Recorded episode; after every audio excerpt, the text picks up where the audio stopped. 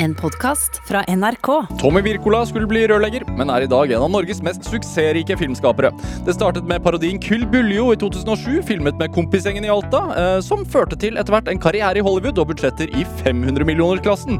Wirkola er en filmforteller med tydelig signatur. Han liker gladvold, vulgariteter og humor, og han har oppnådd suksess uten å miste sitt særpreg. Dette er Drivkraft med Vegard Larsen i NRK P2. Tommy Wirkola, velkommen til Drivkraft. Tusen takk. Trøtt fyr som sitter foran meg. Jeg er småtrøtt. Småtrøtt, ja. Litt lite søvn for tida. Ja, er det Jeg kjenner meg igjen i den. Jeg, det, vi, vi, har, vi har det samme vi er, vi, er, vi er like heldige, holdt jeg på å si. Vi har småbarn. Ja. Ja. ja nei, altså, jeg har alltid trodd at eh, Jeg tenker når folk Vennene mine som får barn, så de klager og støtter liksom, og jeg får ikke søvn, det så slitsom, så er jeg liksom alltid bare Ja, ok, det er ikke så ille. Skjerp deg. Men det er faktisk ganske Det tar mye energi, men utrolig morsomt, selvfølgelig. Ja. Men det er klart at man eh, Sånn lang periode uten, med lite søvn, så kjenner man litt etter hvert. Ja. Men eh, blir, blir man kreativ på en annen måte? Nei, det, det, det, det er kanskje der jeg merker det mest. Før så følte jeg jeg kunne sjonglere tre-fire manus og jobbe med mye ideer og veldig, ha veldig mye overskudd på den, på den sida der. Men nå eh, må jeg virkelig fokusere og kanskje bare ha én, maks to ting jeg styrer med. Ja. Uh, men igjen, det gjør jo at jeg kanskje er mer fokusert når jeg faktisk setter meg ned og jobber. Men uh, nei, det, det, er jo ikke, det er jo en klisjé, men det er virkelig et, eh, en ny, helt, ny- helt ny ting å ha barn og forandre veldig mye. På mest selvfølgelig bra måter. Ja. Hvor, hvor gammel er barnet? Ti måneder. Ti måneder, ja. Så det er over kanskje den verste fasen, da. Um, ja, vi får se. Det, det, det, det, er noe nytt hver måned. Men på en bra, altså det akkurat nå så har han lært seg å stå. Så det er bare det å stå, skal han stå i senga, og våkner han opp og skal stå. Og han syns det er utrolig morsomt, selv om det ikke vi syns det er så artig klokka fire på natta. Men uh, ærlig, så det er vanskelig å bli sint da når han bare står og smiler i senga. Ja. Det, hvordan pappa er du? Um, jeg, hvordan pappa er jeg? jeg? Synger du? Det gjør jeg. Hva, synger, hva synger du? Vi har, fikk nylig en sånn bok i gave som har barnesanger som trykker på en knapp, så synger man med dem. Det har jeg sunget. Men før det så sang jeg, jeg Jo, for han, han ble født i november, og, og da når han virkelig begynte å han måtte få han til å sove, så var det jul, og da sang jeg eh, julekveldvis Hva heter den med Alf Prøysen? Eh, 'Nå har jeg vaska gulvet'. Ja. Ja, den, den synger jeg enda, faktisk, for den ble han vant til. Er det, eh, det, Dere er hjemme i Norge? Ja, Er det pga. barn, eller er det pandemien som har skylden? Eller har dere flyttet hjem, eller hva? Nei, det var en kombinasjon eh, av eh, pandemien og vi skulle ha barn. Vi skulle egentlig føde i, eh, LA og få barnet der, men det var i november da, og, og det var ganske ille der borte på den, i den perioden da. Og, og sykehusene var fulle, og, og vi følte at det kanskje er litt tryggere å gjøre det hjemme i Norge. Så dro vi hjem og gjorde det her, og så har vi vært litt frem og tilbake. Vi har vært en tur til i USA, men vært her i sommer da vi har dåp, vi har bryllup til søstera mi, og litt sånn småting. Så, eh, men eh, vi skal tilbake til USA om en uke, det er planen. Hvordan er, altså, hvordan er det å komme hjem til Alta for deg? Til Alta er det, det er veldig fint. Det, det er liksom, på en god måte så er ingenting som forandrer seg. Det er akkurat det samme. Så du vet hva du får, men det man får er veldig bra. Og selvfølgelig besteforeldre er jo der og hjelper og med barnet, og, og vi kan mye fin natur. og og så Bra vær når jeg har vært hjemme for en gangs skyld. Det er jo ikke alltid man har eh, altså Alta er det jo surt og kaldt nesten hele tida, så flaks med sol og fint vær har vært bra. Det er bra sommer. Så det har vært mye i Ålesund også hos eh, foreldrene til kjæresten min. da, Så det har vært eh, litt overalt. og Jeg har sett- Vestlandet første gang i mitt liv. Det var fint. Men er det Altså, du, du startet jo karrieren din der, holdt jeg på å si. Ja. Eh, når du reiser tilbake, får du en Altså, merker du på inspirasjonen som du hadde den gang? Um, det er et godt spørsmål om jeg merker Altså, jeg vet ikke om det, Men ja, klart, den inspirasjonen man får, ja, helt klart. Og, det, det, det Når jeg var yngre da og, og, og styrte med film og begynte med film, så kom det jo Det var en kombinasjon av mange ting, men én ting var jo bare også kjedsomhet. For det er ikke så mye å gjøre i Alta. Og, og eh, Hvordan er du, hvor, hvor har du vokst opp, og så hvordan ser det ut der? Jeg vokste opp i en plass som heter Svaneveien, og det ser veldig normalt ut. Men eh, det som er fint med det, det var at vi bor eh, og bodde rett ved siden av en stor skog med fjell og, og fiskevann rett ved siden av. Og, så det er veldig bra natur rett ved. da. Så uh, lekt mye ute, vært mye ute i min ungdom og barndom. og, og eh, Nei, eh, altså det er jo bare når man begynte å reise, det er jo en klisjé, men man begynte å reise og se verden og vært i USA, der man skjønner hvor heldig man er som får lov å vokse opp i Norge. Hvordan da? Nei, bare det å igjen få gå ut døra og være i naturen. Og, og kunne være ute og gå til kompiser uten å bli kjørt, eller tenke å være utrygg eller redd for ungene sine. På samme måte. Altså, I LA så blir du jo kjørt bare du skal på kiosken rundt hjørnet. ikke sant? Og det, det, det er en helt annen livsstil og en helt annen ting å være barn der. Har jeg bare sett da når vi har bodd der nå de siste ti årene. Um, så eh, Nei, det, det er bare en mye større frihet, vil jeg tro, enn mange da kanskje er vant til. Ta meg tilbake til liksom når du, du sa sånn da jeg begynte å sysle med film. Ja, altså, jeg har jo vært ekstremt filminteressert så lenge jeg kan huske. Jeg har, har en bror som er ti år eldre enn meg. Jeg har to brødre og en søster, men min eldste bror er ti år eldre enn meg. Og han øh, var veldig filminteressert og tok hjem mye filmer i en veldig ung alder for min del. Så Når, når, når snakker vi nå? nei, så hvis han var, begynte å gjøre det når han var 13-14-15, så var jo jeg 3-4-5 år, øh, og, og jeg så veldig mye krigsfilm og mye James Bond i veldig ung alder. Det gikk det mye av hjemme hos oss. Og øh, jeg fikk en en- Ja, jeg husker jeg var oppslukt av det og Star Wars øh, på et veldig tidlig tidspunkt også. Og lekte veldig mye. Star Wars og James Bond. Jeg og min bror, min andre bror og søskenbarnet mitt. Vi var i sånt, en trekløver som lekte veldig mye film. Og da spesielt Star Wars, der jeg var Darth Vader, søskenbarnet mitt var Han Solo, og broren min var Luke. Ja, du var yngst, så du, Ja, jeg du, være skurken. du var skurken. Men eh, nei, altså det var eh, Så det begynte jo sånn, da. Jeg så ekstremt mye film. Og det fortsatte gjennom hele min barndom og ungdom. Og, og jeg tror jeg fortalte den historien før, men jeg fant litt sånt triks eh, på videobutikken. ikke sant? Det, det var jo selvfølgelig hellige gral å dra på videobutikken og være så heldig, men etter hvert så kunne Hvor langt unna dere var videobutikken? Det, ganske, det var sånn 20 minutter på sykkel, da, så var det et stykke. Um, men jeg fant et triks som gjorde at jeg kunne leie hvordan, film jeg ville. Uh, det var det at på den tida selvfølgelig så gikk du opp, og så så du på videokassett, eller coverene, og så gikk du ned med coverene, og så leide du dem, og så sjekka de aldersgrensa, og så sa de ja, det her kan du leie. Men så skjønte jeg etter hvert at For det var en ganske stor videobutikk. Så brukte jeg å gå opp til kassa, så brukte jeg å spørre hey, du, har du uh, Die Hard inne. Så ja, så tar de på dataen, takker dem opp. Ja, vi har Die Hard inne. Jeg kan jeg, bare, kan jeg bare få den med et blankt cover? Jeg orker ikke å gå lete etter den. Så sier jeg, ja, ja, det kan du få. Så tar de med et blankt cover og gir deg den i blankt cover, ut, for der står det ikke aldersgrensa. Så det var et triks jeg brukte ekstremt mye for å leie mye horror, mye action og uh, mye forskjellige filmer jeg kanskje ikke burde ha sett på den alderen. For da var du hvor gammel? Ti? 10, 11, 12. Um, og det gikk helt opp til, for jeg var ganske liten av vekst og så veldig ung ut i tillegg, så det, var, um, det måtte litt juks til for å få se de filmene jeg ville. Um, og så gikk jeg på skole, begynte på videregående, gikk på uh, Rør, eller først teknisk byggfag, som det het, og så Rør. Og Var du skoleflink? ja, i teori, eller jeg var, jeg var ganske flink. Altså, eh, barneskolen, ungdomsskolen, OK pluss. Eh, videregående um, På teknisk byggfag og rør så var jeg veldig flink på det teoretiske, men jeg oppdaga tidlig at jeg var ikke noe særlig praktisk anlagt. Og jeg husker jo hvorfor jeg skulle studere rør. Altså, det var jo bare så enkelt som at de, du vet de kommer til skolen, så får du masse sånn brosjyre og så om, om yrket. Så husker jeg bladde igjennom den der, og så så jeg oi, den var veldig god årslønn. rørleggere. Ja, Så det her kan jo være noe for meg. Og det er jo veldig, altså Alta er jo veldig fokusert på yrkesfag. Det er ekstremt tradisjon for å jobbe med hender. Altså jobbe med i anleggsbransjen, eller ingeniør, eller rørlegger, snekker. Det, det, er altså, mine, altså To av nevøene mine som nå er 16-18, de har drømt om å være maskinkjørere siden de var unge, og de er det nå. og det er liksom det er noe veldig fint over det, og det er veldig tradisjon for det i Alta. Så det var jo naturlig, og, og, og faren min var lastebilsjåfør, og, og eh, at man liksom søkte den retninga da. Man, det var ikke bare å si du skulle jobbe med film, det var jo så fjernt for meg på den tida. Ja. Var det noen som, kjente du noen som drev med det? Nei. Eh, Og det eneste du hadde hørt om, var jo Nils Gaup og, og eh, Knut Erik Jensen, da, som hadde, hadde klart det fra Finnmark å være regissør. Men det var bare bare sånn, en sånn tanke som ikke slo meg egentlig.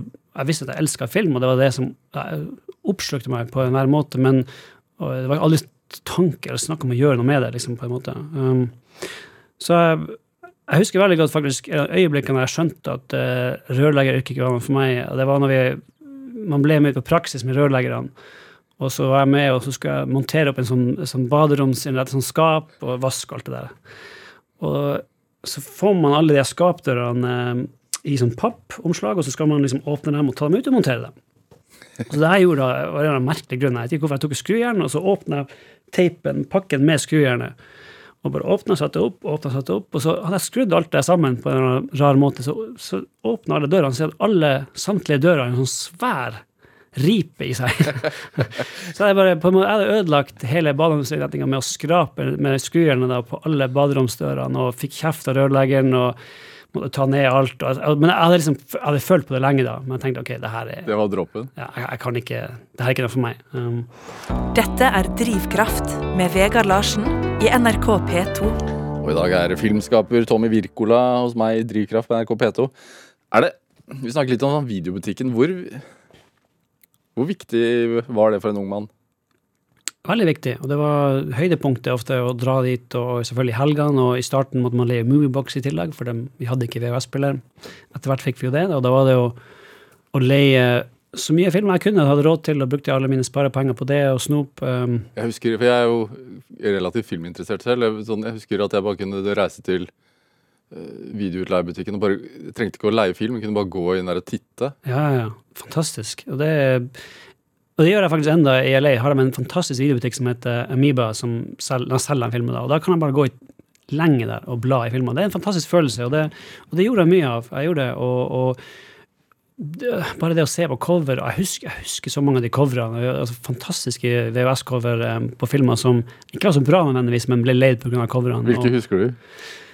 Jeg husker eksempel en som heter Soldier, som er en dårlig 80-talls actionfilm som hadde en fantastisk cover med en kar på ski med helt svart drakt og svart hjelm og to maskinpistoler. Eh, og det, det, det, igjen, det er bare simpelt, men kult. Og for en tolv år gammel gutt så var det jo selvfølgelig kjempetøft. eh. Men, eh, og, og alle horror, eh, Hellraiser, eh, Nightmare on Elm Street fantastiske VS-cover. Og, og, dem, og Nightmare Elm Street eh, var jeg jo ekstremt stor fan av i mine unge år. eh, Og har sett veldig mange ganger. Eh, Og jeg begynte jo faktisk etter hvert å jobbe på den butikken òg. Jeg, jeg jobba i flere år på videobutikken. Um, kanskje den beste jobben jeg noen gang har hatt. Um, mine beste år. Hvorfor det? Nei, altså det var for at, ok, bare sånn kort fortalt, så Etter jeg gikk på rør, så, så gikk jeg, begynte jeg på allmennfaglig påbygning, og jeg måtte ha eh, ordentlig utdanning der, så jeg kunne studere litt andre ting. Og jeg skjønte at det rørlegger ikke var for noe da. Um, mens jeg gjorde det her, så tok jeg allmennfaglig påbygning i Alta for å få de fagene jeg mangla. Så begynte jeg å jobbe på videobutikken. I tillegg så var jeg DJ på den lokale klubben i Alta. Og Hva heter det? Smutthullet. Smutthullet. Mm. Og, eh, og der, der jobba jeg noen år, og det var fantastiske år. For fordi at jeg, jeg studerte også media i Alta etter hvert, eh, og begynte liksom å føle mer på eh, Eller først faktisk IT. Først gjør jeg IT, igjen sovna på hver eneste forelesning. Skjønte at jeg, kan, jeg må bare studere det jeg interesserer meg for. Så da begynte jeg å leke litt med media og sånne ting. Jeg tenkte ikke på å være regissør da, men jeg kombinerte det med å jobbe i videobutikken og være DJ. Og det var, en, det var veldig, veldig artige år. Um, og gjennom media og studere media og studere etter- og filmvitenskap, så begynte jeg liksom mer og mer å leke tanken med at okay, kanskje jeg kan jobbe innenfor TV og film. Ikke som regissør nødvendigvis, bare jeg kan få foten innenfor der og, og, og studere det og kose meg med det og finne en kul jobb etter hvert. da. Eh, så det var liksom sakte, men sikkert at jeg, jeg torde å, å ta spranget. For det, det er sånn, igjen, familien min og alle jeg kjenner, og det var liksom ingen, ingen som studerte film. Det var liksom så fremmed. Hvordan, Um, hvordan var det hvordan var liksom en sånn dag på jobben i filmbutikken? Den åpna ikke så tidlig, så det var jo, man kunne sove lenge. Det var jo alltid en fordel. Og så åpna den vel i tolv-tida, tror jeg det var. Så da var jeg på, sto jeg på jobb, sto opp, spiste frokost, gjorde på jobb klokka tolv og stengte butikken. Kunne du se an hvem som når altså folk kom inn i sjappa, kunne du allerede liksom se hva de kom til å leie? Ja, og du hadde selvfølgelig mye stamkunder, og du, hadde, du visste hva de, hvordan filmene så etter. Og det er alltid en liten plass, og etter hvert så ble man kjent med de fleste som kom inn der. Og eh, jeg var veldig glad i å anbefale filmer. Det var ikke alltid det slo an, for det var kanskje litt for drøyt eller eh, mye for dem som ba om en anbefaling. Eh, men det var, det var og så I tillegg hadde jeg en liten TV og en videospiller på jobben, så du kunne se film også på de rolige timene av jobben. Og det som var veldig bra med butikken, her, det var at det var, en, det var som sagt en svært lokale, og det var delt i to. Men det var en åpen, åpen lokale, så halve var videobutikk, og andre halve var musikkbutikk. Og der jobba en av bestekompisene mine, som eh, drev med musikk. da. Så det var, når vi var på jobb i lag, så var det bare fantastisk. Og spiste litt pølse med brød fra beholderen på videobutikken og um, kosa oss. Når, når kommer denne filmen? Ja, si det. Si det. Det, det, det, det var Det er, det er Clerks. ja, men det, det var ikke noe drama. Det var liksom aldri noe drama. Det var bare, det var bare kos. Ja. Så det, hadde, det hadde ikke vært noe ark. Det hadde bare vært spise pølse, se film og høre på musikk. Det var det det gikk i. Um, Nei, det var um, virkelig, virkelig bra, og så ekstremt mye filmer. Da jeg jobbet der, selvfølgelig, tok jeg bare med meg høyevis av filmer eh, med hjem, og så gjennom det meste. Tror du man Den filmskolen du fikk der, da Tror du man får den samme hvis man bare streamer?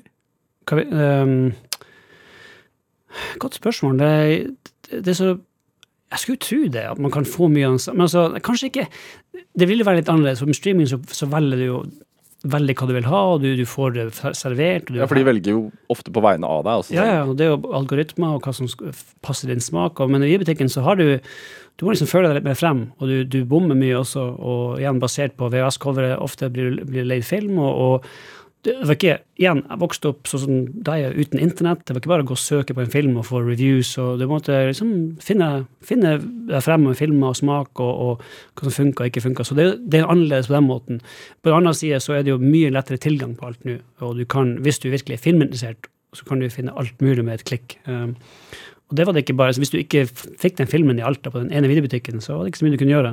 Da måtte du bes- finne et sånt rart videomagasin du kunne bestille fra utlandet som det tok tre måneder å få den videokassetten. Hva, hva, hva var det med altså, horror og, og de sjangerne der som du fant tiltrekkende?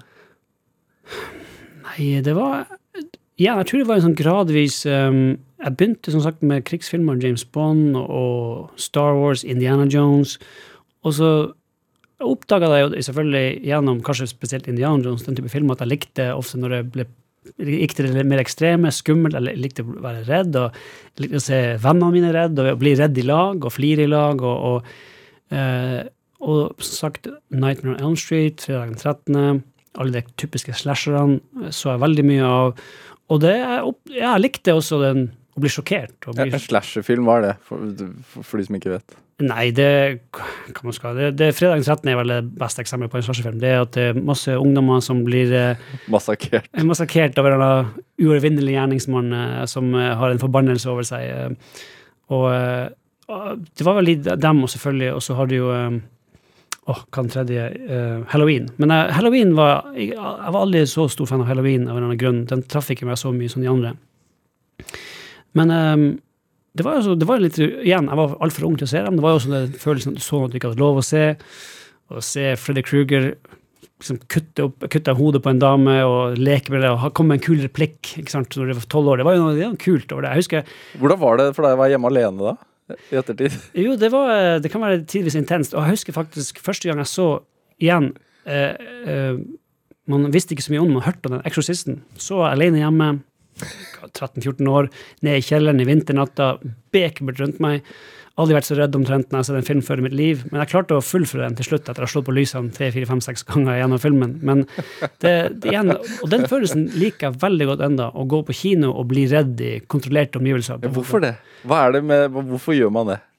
Nei, det jeg, jeg, jeg, jeg, kan ikke gi noe svar at jeg får et kick ut av det. Jeg syns det er kult. Jeg, liker å, jeg liker å bli overraska, liker å bli redd. Og igjen, jeg ser med Camilla, kjæresten min, som ikke har sett en så særlig horrorfilmer før å bli laget med meg, og bare opplever mange av mine favoritter gjennom henne. Utrolig morsomt å se henne bli livredd. Det, det er en god følelse. Um, og det er bra horrorfilmer er virkelig bra håndverk, og det, det, det, det, er en- det er en kunst å få folk til å bli ordentlig, ordentlig redd. Men har du blitt eh, med liksom årene, har du blitt en analytiker, eller blir du redd fremdeles? Nei, jeg blir redd fremdeles. eh, Og jeg, blir, jeg, jeg føler at jeg klarer å jeg ser jo, Hvis jeg liker filmer, så ser jeg dem ofte flere ganger på kino. Og da når jeg ser den tredje-fjerde gangen, så kan jeg begynne å prøve å analysere og se. Men de første gangene jeg ser, så var det ja, absolutt. Det var um, en av de beste horror- horroropplevelsene nylig var um, It Follows, som jeg syns var helt fantastisk. Som jeg så i en svær kinosal i LA med i, USA har de jo faktisk, igjen bare sånn nerdeting, men har de lov å ha dobbelt så høy lyd omtrent som i Norge på kino? hva handler den om, kort oppsummert? Den handler om ehm, Det er en dame som uh, våkner på en fest og har sex med en fremmed mann. Og en mann sier at eh, jeg har overført noe til deg gjennom sexen vår. og det, jeg vet ikke hva det er. Han, han gir en vag forklaring, men det er opplagt at det er en slags forbannelse. da. Og det viser seg at eh, ukjente folk uh, forfølger henne av en eller annen grunn og skal drepe henne uh, fram til å få gitt denne forbannelsen videre. Videre. Så det er jo eh, selvfølgelig det er noen eh, fine subtekst her, men, men igjen, bare filmen var bare utrolig skremmende, bra skutt, og jeg husker jeg var virkelig kjente det i, i kinosalen. Herlig. Du går fremdeles på kino? Veldig mye. Ja. veldig mye. Så det har vært veldig rart de siste to årene. nå. Jeg har sett tre filmer på to år på kino. Veldig rart. Men altså, du jeg tenker det reisen din, altså, ja, du begynte mediefag og sånne ting. Og så gikk det jo ennå noen år før du begynte å, å ta opp kamera sjøl. Ja, og, og ehm, jeg studerte jo etter hvert Jeg, jeg tok ett år media i Alta, så gikk jeg filmvitenskap i Lillehammer bare for å få liksom, den teoretiske delen også litt inn. Jeg hadde jo, visst jo at jeg hadde bare sett Hollywood-filmer. Jeg hadde ikke sett noe annet. Så jeg følte jeg må kanskje vite litt mer om filmhistorie og film og, og andre typer regissører av filmer.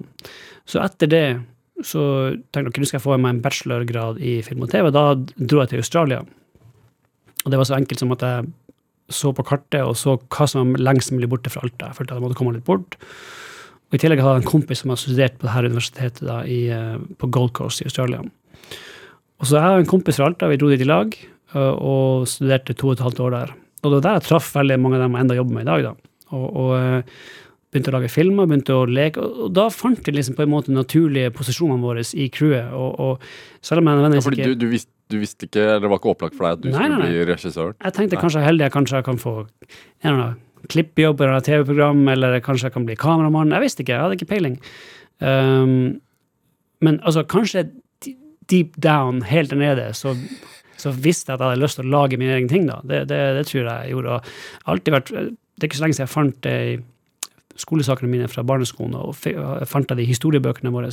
Da hadde jeg liksom skrevet historie på 25 sider om eh, Joe Armstrong heter helten, eh, som var da American Ninja. Helten heter det samme, så det er der jeg har tatt det fra. Eh, men uh, igjen, helt opplagt hva jeg var inspirert av. Dårlige amerikanske actionfilmer. Det var mye action, mye blod, mye eh, Igjen, jeg gikk i femte klasse og skrev om eh, actionfilmer basert på sånn hesteveddeløp. Det var tydelig, jeg har sikkert sett en film som hadde tatt plass i det miljøet der nylig. Men det var liksom korrupsjon og mafia innenfor hestevedding. Um, så det var jo, jeg hadde jo likt å fortelle historier fra en ung alder, eh, og, og når vi kom til Australia, så begynte vi å lage film, og, og små kortfilmer først, og da begynte jeg, jeg siden, ok, Det var ofte sånn her det gikk. Ok, hva vi skal lage? Vet ikke. Er det noen som har noen ideer?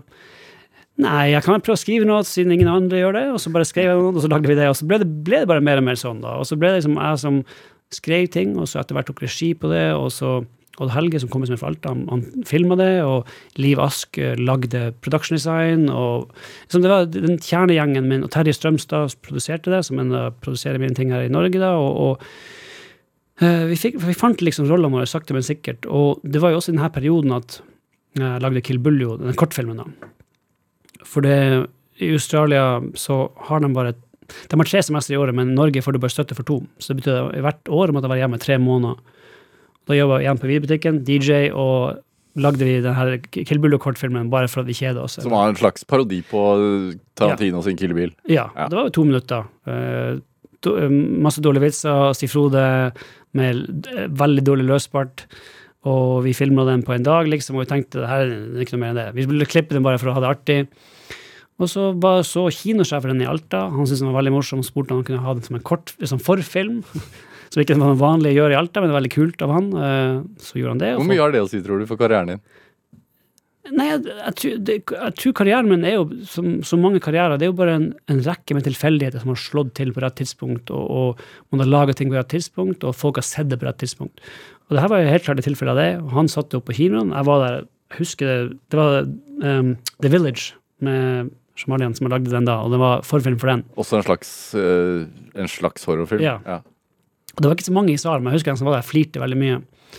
Da, Hvor mange visninger var du på? Og så Jeg var din egen forfilm? en, det var bare én. Okay. Og, um, så da tenkte vi, så da husker vi sendte den til noen kompiser, og det var jo med e-post. Det var jo før YouTube, det var før, før man kunne streame noe som helst.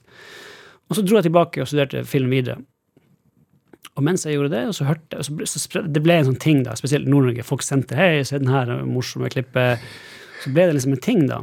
Um, så da vi hadde neste semesterpause, så lagde vi Kill Bullet 2, nok en kortfilm, og så lagde vi en nettside som heter killbullet.com. Og så la vi begge to der dro jeg tilbake til Australia og hadde den masse hundretusenvis av hits da, denne nettsida. Og da begynte jeg å bli ferdig med studiene mine, og, Hundretusenvis av hits ja, på, nett- på nettsida, på Ja. killbullet.com. fra inn- og utland. Faktisk, eh, det er sikkert bare mest Norge, det er sikkert mest Nord-Norge. Men eh, eh, og da tenkte jeg ok, kanskje man kan bruke det her til noe. Kanskje man kan lage noe. Kanskje det her kan være vår vei inn, da. Og, så da pitcha jeg det for mine crew i, i Australia, spesielt produsenten min, Terje. For vi var ferdig ett semester før de fleste. for vi hadde, noen, vi hadde fått godkjent fagene våre fra Lillehammer og fra Alta. da. Så da når vi var ferdige, så dro vi til Alta og begynte å prøve å finne penger til Kirbuljo. Så, så baller det bare på seg.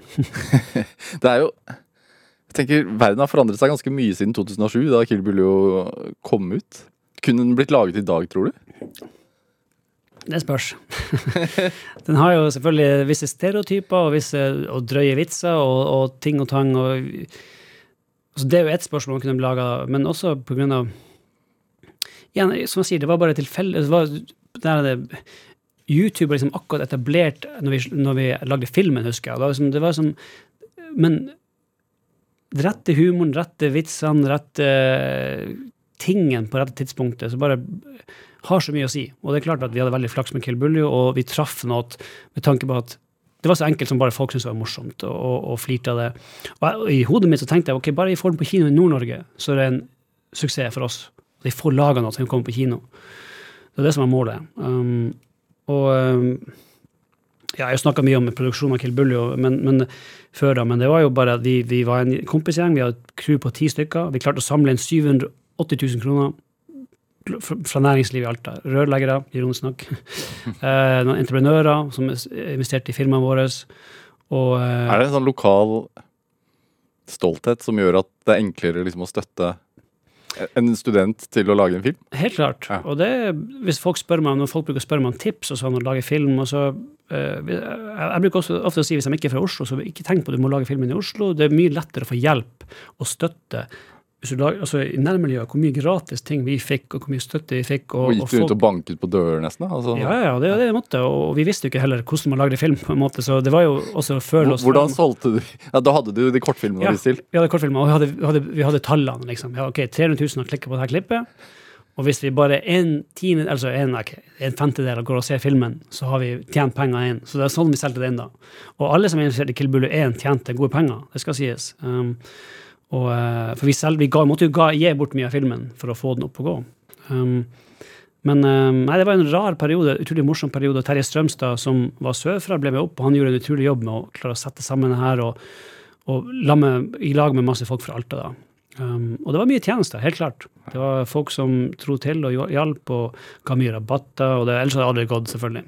Og alle i crewet jobba jo gratis vi hadde en kontrakt med dem som sa at hvis filmen gjør det bra, så får dere betalt. Mm. Vi betaler opphold og mat. Og vi filma den i Alta på sommeren, som er igjen bra for uh, oss, uh, eller for filmskapere som ikke har penger til lys, for at det er lys hele tida. ja. Så ja. Sånn, sånn, vi gjorde det, kort fortalt. Men, men altså, sånn, tilbake til spørsmålet mitt, og sånn kunne blitt laget i dag. Du, merker du det når du pitcher inn manus? Fordi du er jo manusforfatter også, du skriver jo veldig mange av manusene dine selv. Merker du det når du pitcher inn ideene dine til produsenter, at eh, man har altså, Hva skal man si? Den politiske korrekte aksen har flyttet seg? Um, ja, og kanskje ikke så mye på pitchen, men spesielt når det kommer til eh, manuslevering, og når de skal lese første utkast, og spesielt i USA, der jeg har gjort mye skrivejobber i det siste. Og, og uh, man leverer et manus inn, og så Jeg blir like overraska hver gang når jeg får beskjed om at du kan ikke si det der, du kan kanskje ikke gjøre det der. Som for eksempel? Nei, vet du hva, Det er vanskelig, for det er så mange eksempler, og det er ting som jeg ikke tenker over. For at I mitt hode så handler det alltid om, og det er det som igjen Tarantino er så flink til, hvis du klarer å, rettferdiggjøre det gjennom karakterer og handling, og ikke gjøre det for sjokkere, bare for å sjokkere, så kan ikke folk ta deg. Men dessverre så er det blitt litt sånn i USA spesielt at de overkompenserer. Så de, Hva mener du med det? De, prøver, de tar bort for mye, for de er så redd for å få et negativt oppslag om en liten ting, eller bare at fem stykker reagerer på det, og så, og så skaper det en ting, og så blir det en negativ sånn, feeling rundt filmen. Og det var jo litt av det med I, i dager, når vi skrev den, så ga vi litt faen i det. Vi var litt lei det. Både jeg og de to andre forfatterne tenkte at okay, vi skal bare skrive den filmen vi har lyst til, og vi skal få den laga, om så på veldig lavt budsjett. Jeg er så lei å høre at vi kan ikke si det, vi kan ikke gjøre det. Jo, vi kan si det, og vi kan gjøre det hvis det er gjort rett. Og jeg er en oppfatning at du kan gjøre det meste på film hvis du har den rette tonen i filmen, og hvis du selger på rett måte. Og en del av meg er jo spent. Vi har jo USA-premiere på i Onde dager to uker på Fantastic Fest. Og med amerikansk distributør? Uh, ja. XYZ og, og, og Netflix har den jo i hele verden. Men her er da første visninga på en svær filmfestival i Austin, Texas. Og eh, selv om jeg tror det kommer til å gå bra, så er en del av meg spent på eh, eh, hvordan visse ting blir tatt imot. Som for eksempel. Nei, vi har en, en, en karakter, en Nils Olav Oftebro sin karakter, som er en eh, rasist og homofob og, og sier forferdelige ting. Og vi har eh, vitser om eh, Jeg vil ikke avsløre ting for folk som ikke har sett den, da, men vi, vi, noe, vi prøver å gå noen plasser som folk kanskje ikke forventer. Vi sitter ikke der og nå skal vi sjokkere folk, men pga. karakterene vi har valgt, pga. historien, så har vi lyst, både jeg og de andre forfatterne, vi har en veldig mørk humor. Og da er det naturlig at det kommer plasser i filmen eh, som kanskje er litt drøye. Og også, hvis du går tilbake og ser Død snø 2, så er det ekstremt drøye ting i den. Men det er jo litt sånn komisk også med Hollywood og USA. Så lenge det er vold som Altså, død, død snø det er som er en zombie, zombiefilm. Ja. Ja. Ja. Og hvis det er vold på film, så bryr ikke amerikanerne seg. Du kan gjøre hva du vil. Du kan gjøre de mest horrible tingene. Men ingen, ja, ja, det er fint. Hvis det er litt sex, hvis det er litt sånn drøye vitser, hvis det er litt sånn kanskje kan tråkke på ta- tærne til bare to personer, så er det sånn Nei, nei, må vi ta bort. Jeg tør ikke, vi, Tommy. Det her- Men hvem er det som Er det produsentene? Altså, Nei da, det er dis- dis- distributøren eller studio, da. ja. Og så er i Ione dager, og det er ikke noe å legge skjul på at uh, den filmen da, som vi laga nå, ble jo laga i, i, i, Norge med norske penger og SF som distributør, og, men ble solgt til Netflix i ettertid. Og det det gjør, det at siden Netflix har kjøpt det i ettertid De har kjøpt det som er, her er sånn kjedelige tekniske termer som det negative pickup. Så det betyr at de har kjøpt filmen basert på manuset som de har fått. Så så lenge filmen er levert sånn som de har lest manuset, så kan de ikke si noe. Hvis de har vært med og, og så betale filmen, hvis de har betalt for filmen, så kan de legge masse så kan de- Føringer. føringer på filmen. Så at du eventuelt måtte gjøre om på ting før den ble lansert på Netflix? Ja, og jeg, uten å gå inn og nærmere inn på det, så tror jeg ganske sikkert at hvis de hadde vært finansiert denne filmen, så hadde den blitt en veldig mye mildere film enn at vi gjorde den sjøl, og så solgte den til dem i ettertid. Hadde du villet lage den da? Nei, jeg tror ikke det, for det var jo hele mye av ideen at vi skulle lage en film som vi hadde ingen grenser for oss sjøl når vi lagde den og skrev den. Vi, altså, det var det som var deilig med den. Um, men ja, det er jo, kan, kan snakke timevis om det her, hva som skjer med, med film og kunst og, og TV. Og, men jeg føler jo altså, det her Vanligvis retter det seg opp sjøl, og det, det, det går for langt, og så går det tilbake til normalen. Da går det i bølger? Ja, absolutt. Og det var jo 80-tallet, snakk om 80-tallet, så var det jo en ekstrem sånn bølge da, med tanke på hvor mye som ble sensurert og klippet bort fra filmer. Hvis du tenker tilbake på når du leide en slasher på filmbutikken før, så var det jo klippet i stykker. Eh, Det var jo alt, da var det jo vold også, den gikk etter vold og sex, og, og plutselig så var det cut, cut, cut, så bare forsvant ting. Og da var det jo ekstrem sensur på filmer, faktisk. Og det, Tarantino snakka nylig om det her, jeg glemte litt av det, egentlig, men han sa jo at det har vært på 50-tallet og 80-tallet, var det på grunn av verden og, og hva som skjedde i verden, og hva som var i makta, og så videre, og så videre, så var, har det vært de her periodene før. Forhåpentligvis så forsvinner det jo også nå. Men er man i en slags sånn sensurbølge nå? Det føles litt sånn ut. Ja. Og det føles litt sånn ut at eh, folk eh, blir veldig fort eh, Eller noen ty... Jeg tror ikke det. Jeg vet ikke, hva- folk sier folk blir fornærma fort. Det, er ikke, det er ikke faktumet. En bitte liten del av publikum kan bli det, de, men de er ek- veldig høylytte. Og eh, jeg tror Bill Burr, han er en veldig bra standup-komiker, som sa at det bare å overse dem. Det er bare, altså, man trenger ikke høre på dem, man trenger ikke bry seg. Det er det som, altså, med en gang man begynner å bry seg, med en gang man går i en dialog og prøver å diskutere med dem her, så, så, så, så er det en tapende kamp. Man må bare lage sine ting og håpe at folk liker det. Men Du nevner Tarantino. Det er jo det er ikke til å legge skjul på at uh, han har vært viktig for deg. altså for hans filmografi. Og han er jo en annen veldig uh, kompromissløs filmskaper. Han har stått på sitt flere ganger. Uh, hørte et intervju med han nylig hvor han snakket om at hans produsent ville kutte bort veldig mye av filmene hans, men han står på sitt. Og, så, og det har også vært viktig for deg? Hvor, hvor, hvor det, det motet, hvor, hvor kommer det fra? Nei, det, det, det det har vært viktig for meg, og ikke, jeg har ikke vunnet kampene alltid. Det er Hans Grete, og det har jeg jo snakka om også før en del, men kanskje ikke så mye detaljer. Men der var det jo en situasjon der jeg tapte den kampen, og der filmen ble veldig annerledes enn jeg skrev. Og, og, øh, og det, det, det var en bra, altså, bra lekse for meg å, å gå gjennom det og, og føle det og se hvordan et studio funker, og hvordan de tenker. Og, og øh, da var det liksom Nei, Tommy, det her, du må bare ta det bort. Klitt, klitt det bort. Fjern det. og det skjedde gang på gang på gang i denne filmen, og da er det klart det blir en litt annen film enn man tenkt. Men det var Tarantino har makta til å si det og, og komme gjennom det. Jeg kan ikke gjøre det i Hollywood nødvendigvis, men i Norge så Men for det første så trenger man ikke gjøre det i Norge, heldigvis, for her har man likesinnede, man har folk man, som deler det man liker. Man, man respekterer filmen og manuset, og, og man, man skjønner at uh, de mest interessante filmene er ikke dem som er gått gjennom en komité, det er dem som er laga fordi at folk tror på dem og digger det og, og har brenn for det. Um, så heldigvis er det ikke sånn her ennå, da. Jeg Gjerne snakke mer om hvordan sånn studio og sånn funker borti USA, men, men vi skal spille litt musikk. Yes. Uh, er det egentlig sånn at du Drømmer du egentlig om å bli musiker ennå, eller hva?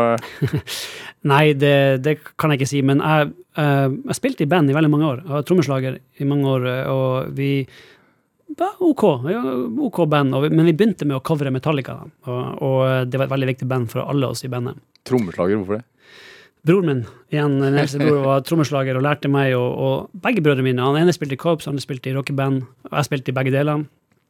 Um, og eh, har altså, alltid elska å spille trommer. Jeg har satt opp trommesett i LA nå, og det er veldig bra terapi å bare gå trommeløs. Men vi var Når gjør du det, da?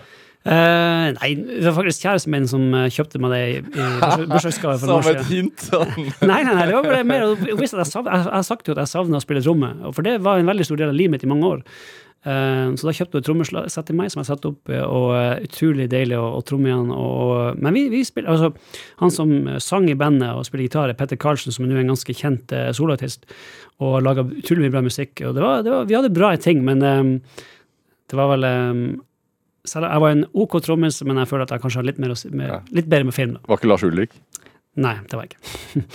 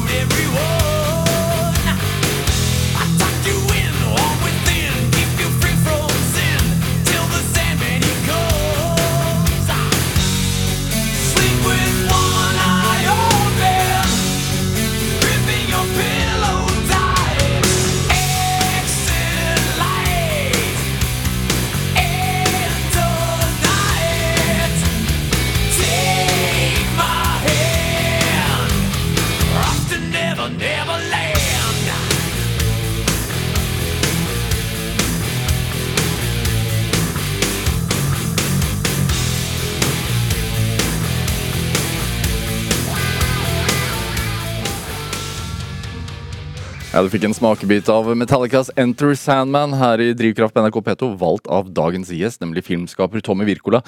Er litt sånn skrekkfilmlåt, dette her, da. Absolutt. absolutt. Og videoen var jo litt sånn skrekkfilminspirert, husker jeg. Du har prøvd å bruke Metallica-musikk. Ja, vi, gjorde, vi, vi sendte en forespørsel på Hans Grete for å bruke For Whom the Bell Tolls, men eh, det var visst ekstremt dyrt, så studio sa nei. Ja. Hvor viktig er musikken? Veldig, veldig. Og, og eh, jeg har jo eh, Det er jo noen filmer mer enn andre. altså Hans Grete var jo egentlig en, en period-film, så vi hadde, ikke, vi hadde lyst til å prøve å bruke Metallica en gang i filmen, men vi fikk aldri sjansen. Men andre filmer, sånn som 'Ion og dager, har brukt sanger veldig konkrete og fra en ma- tidlig manusfasen. Og det er jo igjen Tarantino og Scorsese er jo mesterne på akkurat det der, og, og en film brukt rett Nei, sorry, en sang brukt rett i en film, det er ingenting som er bedre enn det, når det virkelig bare passer med bilde og handling og karakterer. og Da er det, da er det magi. Når er det du, altså, Siden du også skriver mye av manusene dine, altså, når er det du koser deg mest i, i en produksjonsfase? Um, klippen. I klippen. Ja. Det, altså, manus er gøy, og, og, og innspillinga er jo bare kaos. Og det er jo og ekstremt slitsomt og gøy, men også bare det var, Jeg tror Semekke som sa i et intervju en gang at selve innspillinga tar på seg en sånn en life jacket og bare håper at du overlever. Nei, så det bare, det, det, Det er du som skal jo, jo, lede an, da. jo, jo, men det er virkelig altså, innspill, Filminnspilling er, det er så kaotisk på mange måter. Ja, så det gjelder jo selvfølgelig å hvordan kan du best kontrollere kaoset og komme deg gjennom og, la, og ha, holde tak, tak på visjonen din. For det er jo, du, altså, det er jo, du får det jo aldri helt som du vil ha det pga. tid, penger altså det, det, det, Du kompenserer alltid bitte litt. Og det er igjen Semekke som sa det, at bare, å lage film handler om å konstant kompensere og prøve å få det bra nok. Og det er veldig, veldig bra beskrevet. For at én av ti ganger får du det sånn som på som du har skrevet det. Ellers er det bare Kanskje du får det bedre, kanskje du får det dårligere, men alt, du må alltid forandre det. Alltid liksom føye etter det som skjer på dagen. Det, altså den Kill Buljo 2007, og så lagde du Død snø, og så begynte liksom ballen å rulle. Hva, når var det de store studioene som du kanskje hadde drømt om, begynte å banke på døren? Det, det var etter Død snø, og vi var jo i, i Sundance med den. Og um, Filmfestivalen eh, i, i Utah? Ja. Ja. Og det var der jeg fikk eh, Og jeg hadde en fantastisk visning der. Altså virkelig En av mine all time favorites-visninger noensinne på en, film, en av filmene mine. Fullstappa sal. Det var slåssing i køen på utsida på vei inn. For å komme inn? Ja, Hæ? for det var noe billetttull. og Så, så idet jeg gikk inn i salen, så ser jeg en kar og blør utover fortauet. Eh, Ok, det var jo en rar, men perfekt oppladning til eh, Død snø. Og det var altså så god stemning. og det var, Jeg husker jeg satt der, og det var, jeg var bare, det var bare en ja, en sånn, mange av de premierene det går litt i surr fordi at eh, du er så nervøs for dem, og, og så anspent og tenker hva som skal skje, og hva som ikke skjer, hva pressen sier. Men her var det bare å kose seg, for det var virkelig en sånn fantastisk stemning i den visninga. Og da heldigvis var det jo en del folk fra studiene der, og det var en del agenter. Og um, fikk meg agent etter, eller under Og Sundance. det var sjanger, sjangerfans Ja, i salen. det var det også, og det er selvfølgelig å ta opp stemninga. Og det, ble, det var jo som en Faktisk, for produsenten til Adam McKay, Will Ferrell, var jo på den visninga. Og um, det var den som endte opp med å produsere Hans og Grete. Jeg husker han alltid sa han sa det var som å dra på en rockekonsert. For han var ikke en horrorfan. Han ble dratt med av en kompis. Motvillig. Så tenkte jeg ok, ja, jeg får få se den filmen. og så ble han så han var virkelig bare sånn Han ble sånn, han var slått i bakken av stemninga da. Så det han gjorde da, det var Kevin Messick het han, så da ringte han eh, agenten min, som akkurat hadde fått, så sa han når Tommy kommer til byen, sørg for at vi er det første møtet den første dagen. Så det var først, mandagen i første uke i Hollywood så møtte jeg med, med Adam McKay og den gjengen der, som hadde laga Anchorman, da, som var en av mine favorittkomedier. Så jeg var jo ganske starstruck det. Og jeg bruker ikke å bli ofte starstruck, men akkurat da var det med han Adam McKay, Will Ferrell og den gjengen der. Og da pitcha jeg Hans og Grete, som var en idé jeg hadde hatt lenge. Um, og tok dem med til Paramount dagen etterpå. Det var så, altså, jeg skjønte i ettertid at det har Det er ikke så lett sånn der. Det har aldri vært så lett sånn der igjen, og det har aldri gått så smooth sånn der noensinne igjen. Eh, men det var bare en sånn, sånn der eh, perfect storm. Der jeg bare klikka inn. Og det var rett timing, og det var rett idé. Det var rette folk som hadde tok meg inn. De hadde akkurat signert ny- deal med Paramount. Så det var jo som Og da kjøpte de ideen. Er du, er, er du I mangel av et bedre ord, er du fan ennå? Ikke av de, men altså av liksom film? Absolutt. Eh, og og jeg faktisk oppdaga mer og mer, for det var en periode og, og der jeg så mye TV-serier. Jeg ser fremdeles TV-serier, men jeg, jeg, jeg går litt lei TV-serier igjen. For jeg føler at det lages mye TV-serier, mye bra, men ingen, veldig lite fantastisk som The Wire og, og Sopranos og sånne ting. Men film, der har, har du fremdeles gull. Og, og en god film for meg, det er ikke mye som matcher det, altså. Å gå på kino og se en god film. Så eh, jeg, jeg gleder meg å gå tilbake, komme tilbake til USA nå, og gleder meg å gå på kino igjen og, og, og se mye ny film. Det har jeg virkelig savna. Hvor, hvor viktig er det for deg å, å bo der borte? Det har vært uh, viktig, fordi at før, og vært spesielt før pandemien, og nå har mye forandret seg pga. det, men så må man være der, og spesielt som regissør for å få prosjektene opp og gå. Med en gang du får dem opp og stå, får litt traction, så, og, og så trenger du ikke nødvendigvis å være der. Men for å få liksom, de rette folkene om bord, for å få skuespillere, så må du være in person og møte der. Men det har jo forandret seg etter pandemien. Nå kan du gjøre mye mer via Skype og Zoom. Eh, og I tillegg så har jeg som sagt fått barn. Så vi har nå, både jeg og- kjæresten min har jo følt på det kanskje at eh, etter hvert at vi har lyst til å være mer i Norge. eh, for vi har lyst til å Den skal få vokse opp i Norge fremfor LA. Og LA er fantastisk på mange måter, men Men du sa noe om at du på de siste ti årene har sett hvordan det er å vokse opp der på barn. Altså at de blir Ja, det er jo bare Men også, det har jo noe med Igjen, jeg er kanskje litt Det er kanskje å ta alle over en kammer, men jeg føler jo at kanskje verdisystemet i USA, spesielt Hollywood, er kanskje ikke nødvendigvis så sunt, men har, samtidig har jeg møtt masse unger som har vokst opp der, er fantastiske barn, så det stemmer jo ikke nødvendigvis. Men jeg bare, igjen, jeg føler at jeg vokste opp i Norge og Alta og alt det der, er utrolig heldig, og jeg har lyst til at mine barn skal få lov å oppleve det samme. Eh, Men eh, Hvordan igjen, jobber du der borte? Hmm? Hvordan er en normal dag? Eh, normal dag, jeg står opp, spiser frokost, og så la oss si at jeg er i en skriveperiode som jeg ofte er, da. Så da skriver jeg etter frokost til lunsj, så spiser jeg lunsj, så går jeg på kontoret, skriver litt mer, spiser middag, så går jeg kanskje skriver litt til, og så ser jeg film, jeg og Camilla, og, eller slapper av, og, og så går vi og legger oss. Eh, og det, det Jeg blir ofte spurt og hva som for jeg tror også med mine filmer så kan man tenke at ok, Tommy, han, spesielt i tidligere filmene, sånn gjøgler og uh, har en viss eh, også lager nazi-zombiefilmer og sånne ting. Men uh, jeg føler at jeg alltid har jobba ekstremt hardt. da. Og, og jeg, jeg er veldig kjedelig med tanke på festing og, og der borte. Jeg, selvfølgelig har vi hatt det gøy, og, og det er jo artig å bo i Hollywood, men jeg har alltid vært ekstremt disiplinert når det kommer til å jobbe. Jobbe med ideer og utvikle ideer og, og skrive og bli bedre på den tingen. For spesielt skriving, det er også som alle andre ting, det er en ting som man blir bare mye bedre på jo mer man gjør det. Og hvis jeg ser på Hans og Grete-manuset mitt, eller spesielt Kill Bully, og de første manusene han skrev nå, så er det bare sånn Oi, skrev jeg det der? Og det er bare Jeg utvikla meg utrolig på den, på den delen, av jeg, og føler. Og, eh, og så har jeg alltid tatt eh, Når skriver du? Hmm? Så, altså, du, du, du skisserte en sånn at du skriver på morgenen og litt på ettermiddagen og litt på kvelden, men altså det, jeg prøver å gjøre det som en jobb. Jeg prøver å behandle det som en vanlig arbeidsdag. Å være disiplinert. Og det er det vanskeligste med skriving, er å være disiplinert. For det er så lett å la, seg distrahere eller gjøre andre ting.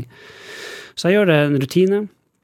Jeg presser ut om Hvis jeg føler meg utrolig lite inspirert, så prøver jeg likevel å skrive noen sider for å få hver dag å få gjort noe. Um, og det gjør jeg enda gjør jeg, og jeg gjør det kanskje mer enn noensinne. Jeg skriver kanskje mer enn noensinne akkurat nå, um, fordi at jeg er blitt mye bedre til det.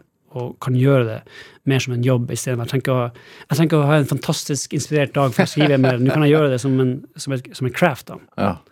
Hva, hva- skyldes den endringen, tror du? Nei, det er litt forskjellig. Det at jeg opp- jeg opplevde enda større glede med det, men også fordi at etter, um, etter Hans og Grete så gikk jeg jo tilbake og lagde Dødsnø 2. Og som sagt, produsentene på Hans og Grete var Adam McKay og Will Ferrell.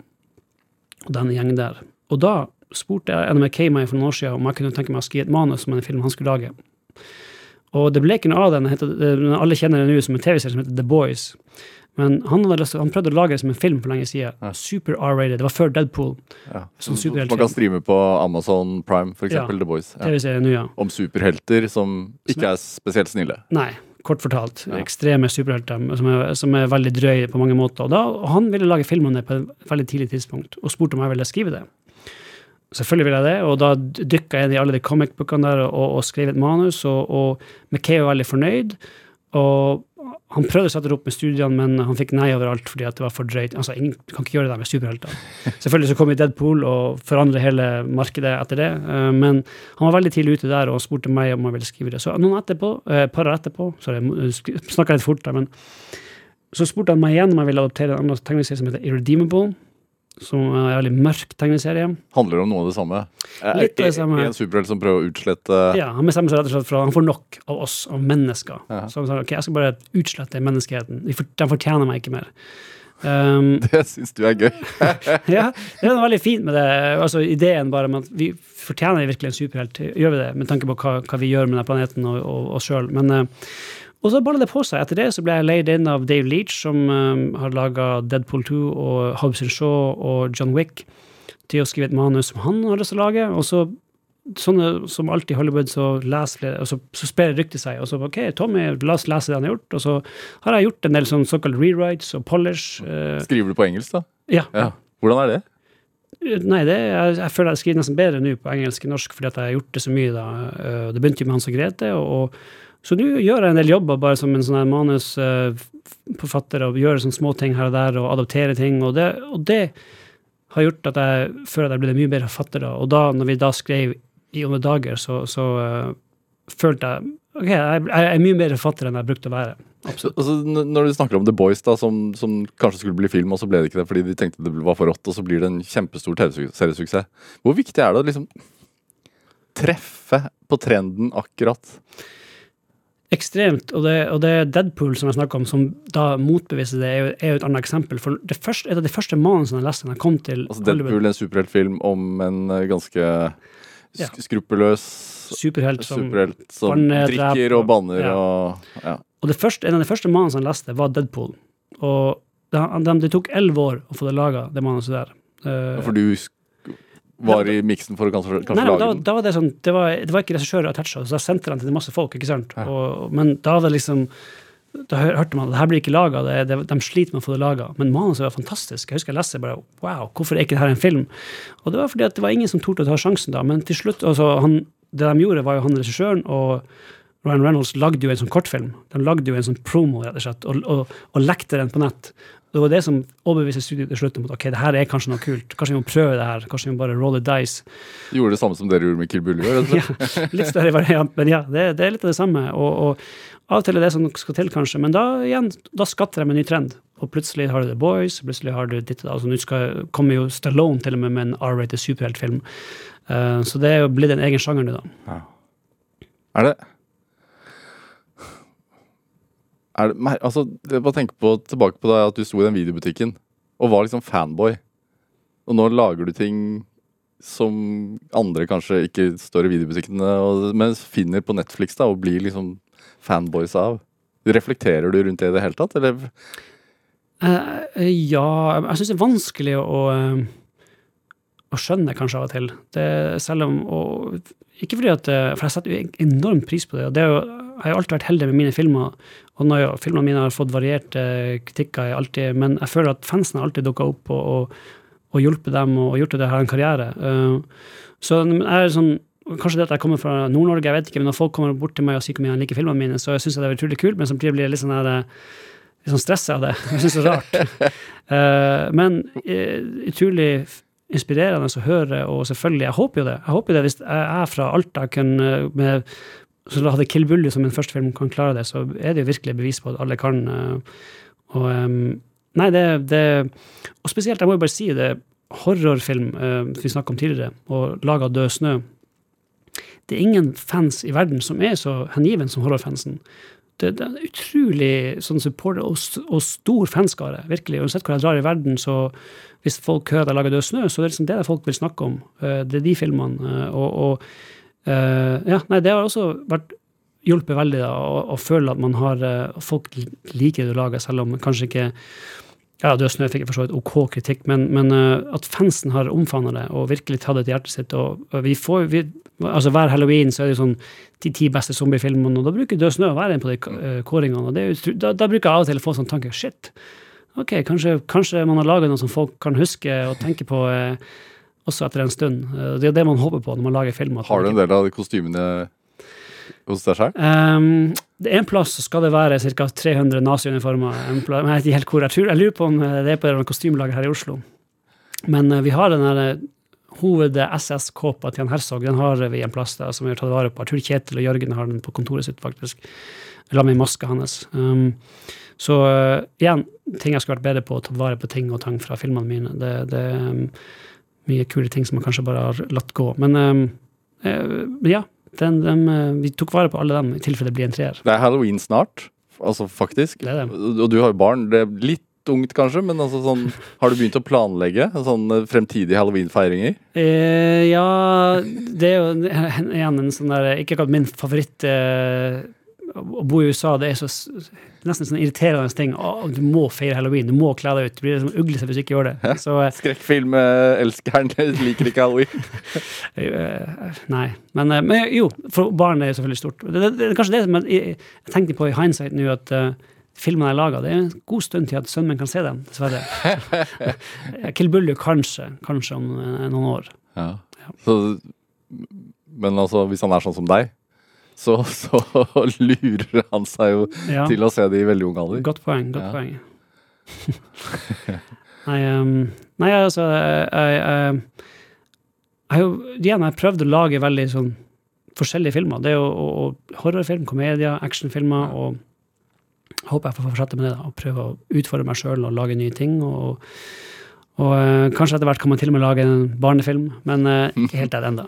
Du prøvde jo å lage storkrigsfilm om Narvik også, som Ja. dessverre ikke ble noe av. Stemmer det. Ja. Det, gjorde det. Det, ble, det ble en annen Narvik-film istedenfor. Som Ja. kommer på kino til jul, tror jeg. Hva tenker du er drivkraften din, Tommy Virkela? Drivkraften min Nei, det er Jeg syns det er vanskelig å sette ord på, faktisk. Men det er jo en, det er jo en eh, Selvfølgelig starta med en kjærlighet for film, men også etter hvert altså, jeg, jeg får utrolig glede av å underholde folk. Og, og, og, og av å få folk til å flire, folk til å bli redd eller sjokkert.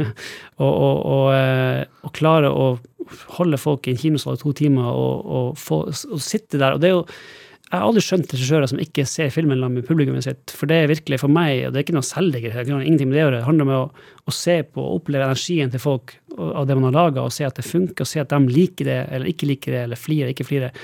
Det er en fantastisk følelse, og jeg håper jo at um, Hvordan er det? Er det eufori? Kan, kan du si det? Ja, så er, det altså blir, er det euforisk? Altså blir man, hvor, hvor lenge kan du Nei, det, altså det, det varer jo ikke så lenge, men det er akkurat der og da er det en utrolig god følelse å tenke ok, ikke nok med at vi har jobba med det her i årevis, og folk liker det, og forhåpentligvis kan folk prate om det, forhåpentligvis kan man gi folk altså, Jeg må bare tenke på hva jeg sjøl når jeg ser film. Jeg vil bli tatt bort fra Jeg vil bli ført bort og drømme om noe annet. Jeg vil se noe annet. Jeg vil gjøre, jeg vil tenke på noe annet enn enn livet mitt for, en gang, for to timer. Og det håper jeg folk eh, gjør med å se filmene mine. ja, I onde dager er på kino nå. Hva, hva er det neste?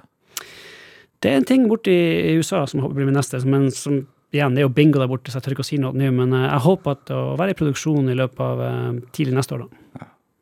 Tommy Wirkola, tusen takk for at du tok turen. Takk sjøl, veldig hyggelig.